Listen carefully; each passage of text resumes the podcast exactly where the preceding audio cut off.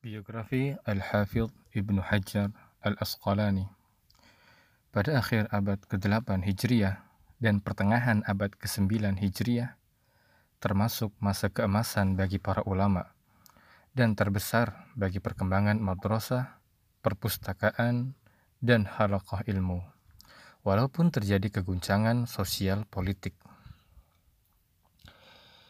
Hal ini karena penguasa di kala itu memberikan perhatian besar dengan mengembangkan madrasah-madrasah, perpustakaan, dan memotivasi ulama serta mendukung mereka dengan harta dan jabatan kedudukan.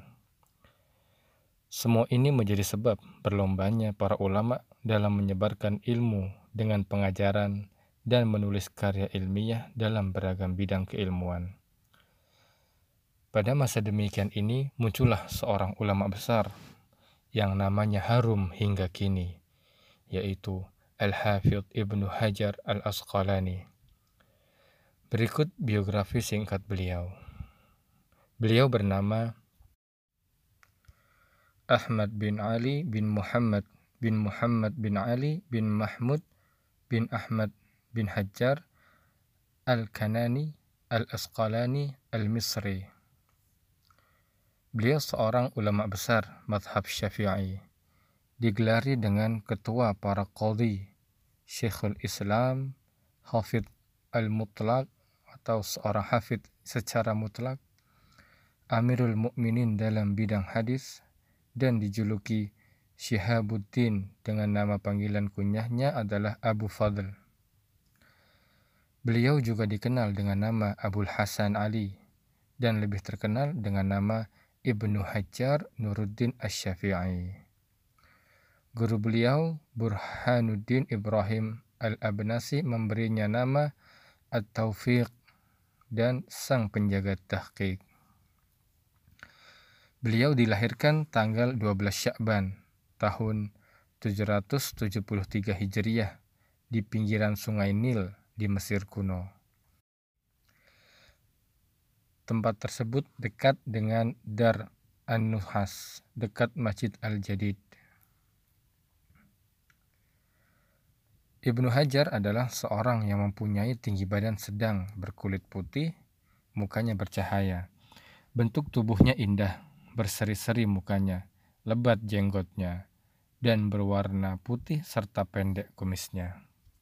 Dia adalah seorang yang pendengaran dan penglihatan sehat kuat dan utuh giginya, kecil mulutnya, kuat tubuhnya, bercita-cita tinggi, kurus badannya, fasih lisannya, lirih suaranya, sangat cerdas, pandai, pintar bersyair, dan menjadi pemimpin di masanya. Ibnu Hajar tumbuh besar sebagai anak yatim. Ayah beliau meninggal ketika ia berumur empat tahun dan ibunya meninggal ketika ia masih balita. Ayah beliau meninggal pada bulan Rojab tahun 777 Hijriah setelah berhaji dan mengunjungi Baitul Maqdis dan tinggal di dua tempat tersebut. Waktu itu Ibnu Hajar ikut bersama ayahnya. Setelah ayahnya meninggal, beliau ikut dan diasuh oleh Az-Zaki Al-Kharubi, yaitu kakak tertua Ibnu Hajar sampai sang pengasuh meninggal. Hal itu karena sebelum meninggal, sang ayah berwasiat kepada anak tertuanya, yaitu saudagar kaya bernama Abu Bakar Muhammad bin Ali bin Ahmad Al-Kharubi, untuk menanggung dan membantu adik-adiknya. Begitu juga sang ayah berwasiat kepada Syekh Syamsuddin ibnu Al-Qattan karena kedekatannya dengan Ibnu Hajar kecil. Ibnu Hajar tumbuh dan besar sebagai anak yatim piatu yang menjaga iffah atau menjaga diri dari dosa. Sangat berhati-hati dan mandiri di bawah pengasuhan kedua orang tersebut. Zaki Yudin Abu Bakar Al-Kharubi memberikan perhatian yang luar biasa dalam memelihara dan memperhatikan serta mengajari beliau. Dia selalu membawa Ibnu Hajar ketika mengunjungi dan tinggal di Mekah hingga ia meninggal dunia tahun 787 Hijriah. Pada usia lima tahun, Ibnu Hajar masuk Al-Maktab, semacam TPA sekarang, untuk menghafal Al-Quran. Di sana ada seorang guru yang bernama Syamsuddin bin Al-Alaf yang saat itu menjadi gubernur Mesir dan juga Syamsuddin Al-Atrush. Akan tetapi Ibnu Hajar belum berhasil menghafal Al-Quran sampai beliau diajar oleh seorang ahli fakih dan pengajar sejati yaitu Sadruddin Muhammad bin Muhammad bin Abdul Razak As-Safti Al-Muqri. Kepada beliau inilah akhirnya Ibnu Hajar dapat menghatamkan hafalan Al-Qur'annya ketika berumur 9 tahun. Ketika Ibnu Hajar berumur 12 tahun, ia ditunjuk sebagai imam salat tarawih di Masjidil Haram pada tahun 785 Hijriah. Ketika sang pengasuh berhaji pada tahun 784 Hijriah, Ibnu Hajar menyertainya sampai tahun 786 Hijriah. Hingga kembali bersama Al-Kharubi ke Mesir – setelah kembali ke Mesir pada tahun 786 Hijriah, Ibnu Hajar benar-benar bersungguh-sungguh dalam menuntut ilmu. Hingga ia hafal beberapa kitab induk seperti Al-Umdah Al-Ahkam karya Abdul Ghani Al-Maqdisi, Al-Alfiyah fi Ulum Al-Hadis karya guru beliau Al-Hafiz Al-Iraqi.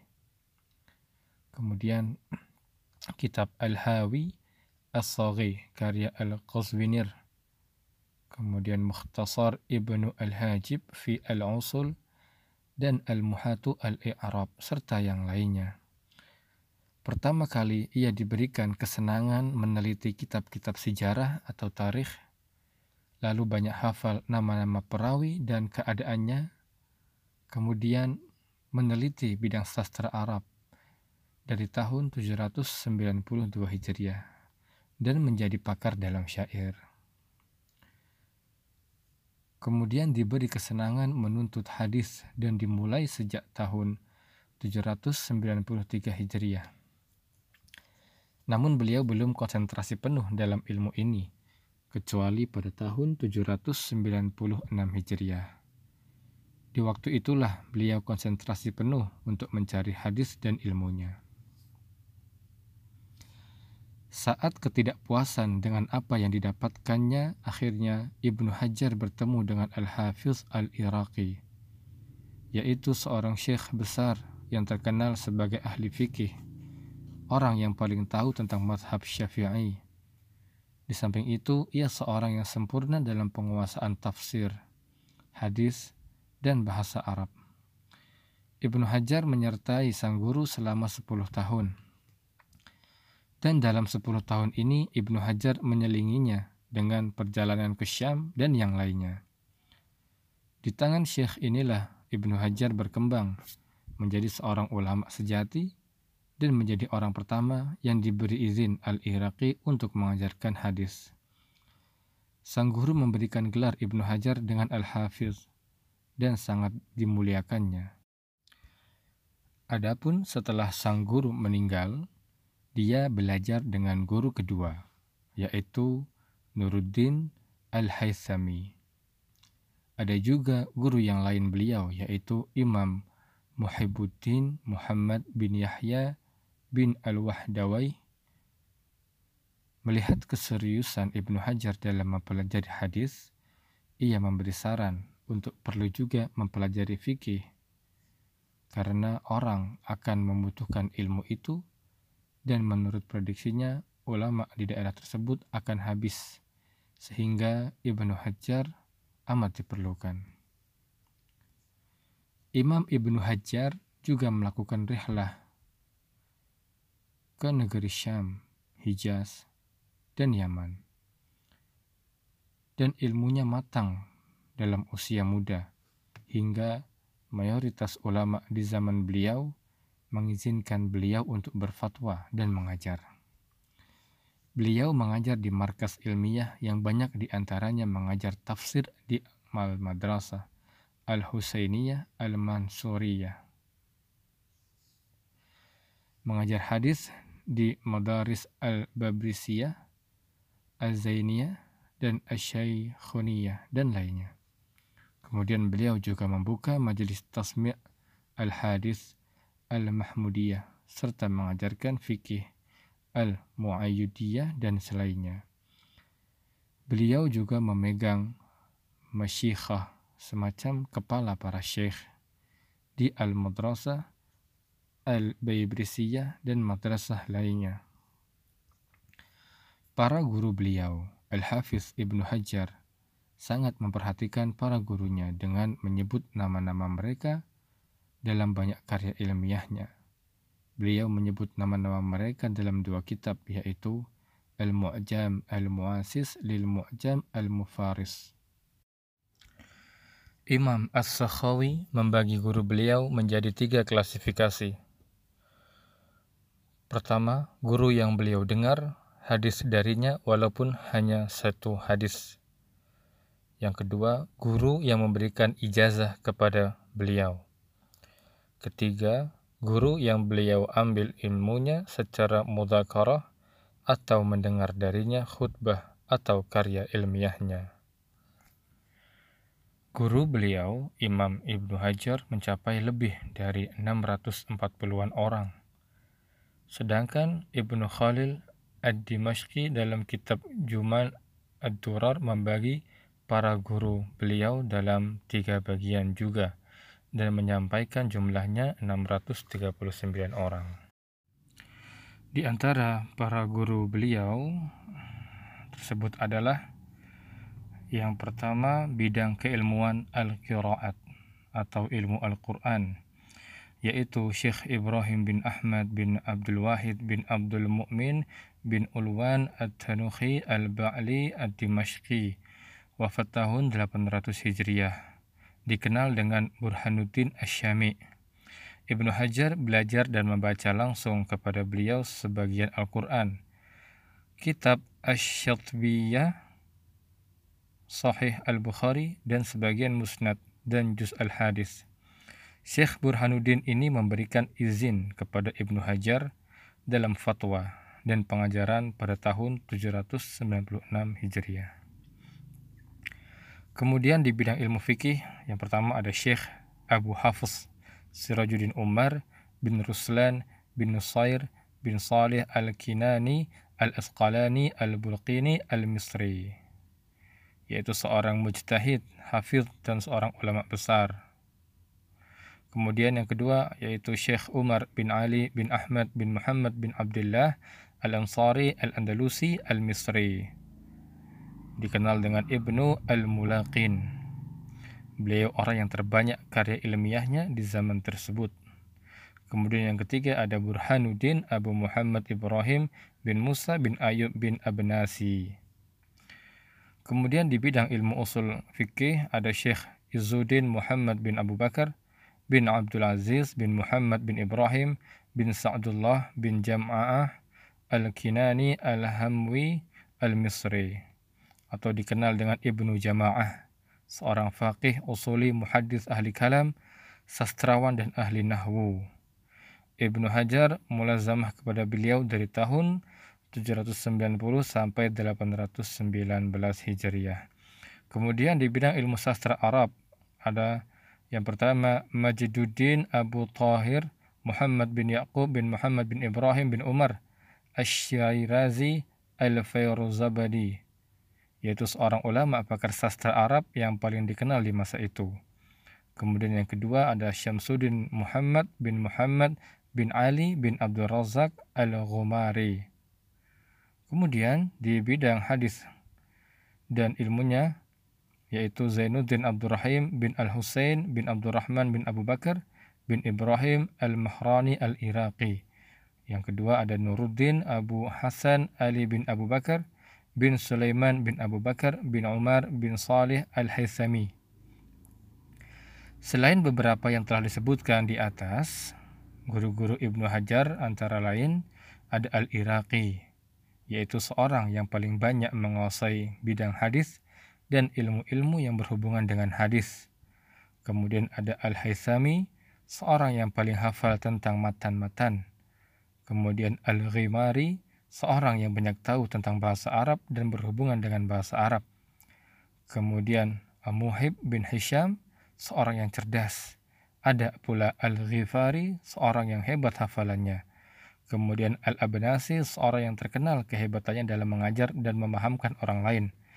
Kemudian ada Al-Izu bin Jama'ah, seorang yang banyak menguasai berbagai bidang ilmu. Kemudian ada At-Tanuhi, seorang yang terkenal dengan kiraatnya dan ketinggian sanatnya dalam kiraat. Kemudian murid beliau. Kedudukan dan ilmu Imam Ibnu Hajar yang sangat luas dan dalam tentunya menjadi perhatian para penuntut ilmu dari segala penjuru dunia. Mereka berlomba-lomba mengarungi lautan dan daratan untuk dapat mengambil ilmu dari sang ulama ini. Oleh karena itu tercatat lebih dari 500 murid beliau. Sebagaimana yang disampaikan murid beliau, Imam As-Sakhawi, di antara murid beliau yang terkenal adalah Syekh Ibrahim bin Ali bin Syekh bin Burhanuddin bin Zahiriyah Al-Maki Asy-Syafi'i. Kemudian ada Syekh Ahmad bin Uthman bin Muhammad bin Ibrahim bin Abdullah Al-Karmani Al-Hanafi atau dikenal dengan Syihabuddin Abdul Fatih Al-Kalutani seorang muhaddis. Kemudian ada Syihabuddin Ahmad bin Muhammad bin Ali bin Hasan Al-Ansari Al-Khazraji yang dikenal dengan Al-Hijazi. Kemudian ada Zakaria bin Muhammad bin Zakaria Al-Ansari Kemudian Muhammad bin Abdurrahman bin Muhammad bin Abu Bakar bin Uthman As-Sakhawi As-Syafi'i. Kemudian ada Muhammad bin Muhammad bin Muhammad bin Abdullah bin Fad Al-Hashimi Al-Alawi Al-Maki. Kemudian ada Burhanuddin Al-Baqai yaitu penulis kitab Nuzum Ad-Durar fi Tanasub Al-Ayi wa Aswar. Kemudian ada Ibnu Al-Hidari kemudian At-Tafi bin Fad al-Makki, kemudian Al-Kamal bin Al-Hamam al-Hanafi, kemudian Qasim bin Qutlubugha, kemudian Ibnu Taghari Bardi, yaitu penulis kitab Al-Manhal As-Safi, kemudian Ibnu Quzni, kemudian Abul Fadl bin Ash-Shihnah, Al-Muhib Al-Bakri, dan Ibnu As-Sayrafi. Setelah melalui masa-masa kehidupan yang penuh dengan kegiatan ilmiah dalam khidmah kepada ilmu dan berjihad menyebarkannya dengan beragam sarana yang ada, Ibnu Hajar jatuh sakit di rumahnya setelah ia mengundurkan diri dari jabatannya sebagai qadhi pada tanggal 25 Jumadil Akhir tahun 852 Hijriah. Dia adalah seorang yang selalu sibuk dengan mengarang dan mendatangi majelis-majelis taklim hingga pertama kali penyakit itu menjangkit yaitu pada bulan Dhul Qa'dah tahun 852 Hijriah. Ketika ia sakit yang membawanya meninggal, ia berkata, Ya Allah, bolehlah engkau tidak memberikanku kesehatan, tetapi janganlah engkau tidak memberikanku pengampunan. Beliau berusaha menyembunyikan penyakitnya dan tetap menunaikan kewajibannya mengajar dan membacakan imla. Namun penyakit tersebut semakin bertambah parah. Sehingga para tabib dan penguasa serta para qadi bolak-balik menjenguk beliau. Sakit ini berlangsung lebih dari satu bulan. Kemudian beliau terkena diare yang sangat parah dengan mengeluarkan darah. Imam As-Sakhawi berkata, Saya mengira Allah telah memuliakan beliau dengan mati syahid karena penyakit ta'un telah muncul. Kemudian pada malam Sabtu tanggal 18 Dhul Hijjah tahun 852 Hijriah, berselang dua jam setelah sholat Isya, orang-orang dan para sahabatnya berkerumun di dekatnya, menyaksikan hadirnya sakaratul maut. Hari itu adalah hari musibah yang sangat besar. Orang-orang menangisi kepergiannya, sampai-sampai orang non-muslim pun ikut meratapi kematian beliau. Pada hari itu, pasar-pasar ditutup demi menyertai kepergiannya. Para pelayat yang datang pun sampai-sampai tidak dapat dihitung. Semua para pembesar dan pejabat kerajaan saat itu datang melayat dan bersama masyarakat yang banyak sekali mensolatkan jenazah beliau. Diperkirakan orang yang mensolatkan beliau lebih dari 50 ribu orang. Dan Amirul Mukminin Khalifah Al-Abbasiyah mempersilahkan Al-Bulqini untuk menyolati Ibnu Hajar di Ar-Ramilah di luar kota Kairo. Jenazah beliau kemudian dipindah ke Al-Qarafah As-Sughara untuk dikubur di perkuburan Bani Al-Kharubi yang berhadapan dengan Masjid Ad-Dailami di antara makam Imam Syafi'i dengan Syekh Muslim As-Silmi. Sanjungan para ulama terhadapnya Al-Hafiz As-Sakhawi berkata, Adapun pujian para ulama terhadapnya, ketahuilah pujian mereka tidak dapat dihitung. Mereka memberikan pujian yang, ter, yang tak terkira jumlahnya, namun saya berusaha untuk menyebutkan sebagian sesuai dengan kemampuan. Al-Iraqi berkata, Ibnu Hajar adalah syekh yang alim, yang sempurna, yang mulia, yang seorang muhadis, ahli hadis yang banyak memberikan manfaat, yang agung, seorang al-hafiz yang bertakwa, yang dapat dipercaya perkataannya, yang siqah, yang amanah, Syihabuddin Ahmad Abdul Fadl bin Asyikh Al-Imam Al-Alim Al-Auhad Al-Marhum Nuruddin yang kumpul kepadanya para perawi dan syekh-syekh yang pandai dalam nasikh dan mansukh yang menguasai al-muwafaqat al-abdal dan yang dapat membedakan antara rawi-rawi yang thiqah dan do'if yang banyak menemui para ahli hadis dan yang banyak ilmunya dalam waktu yang relatif pendek. Dan masih banyak lagi ulama yang memuji dia dengan kepandaian Ibnu Hajar. Karya ilmiah beliau Al-Hafidh Ibnu Hajar telah menghabiskan waktunya untuk menuntut ilmu dan menyebarkannya dengan lisan, amalan, dan tulisan. Beliau telah memberikan jasa besar bagi perkembangan beraneka ragam bidang keilmuan untuk umat ini.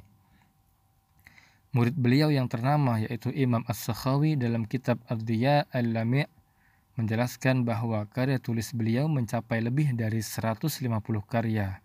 Sedangkan dalam kitab Al-Jawahir wad Durar disampaikan lebih dari 270 karya.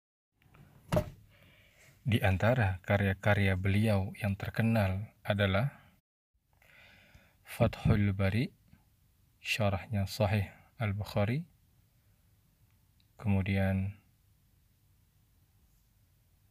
kitab Bulughul Maram.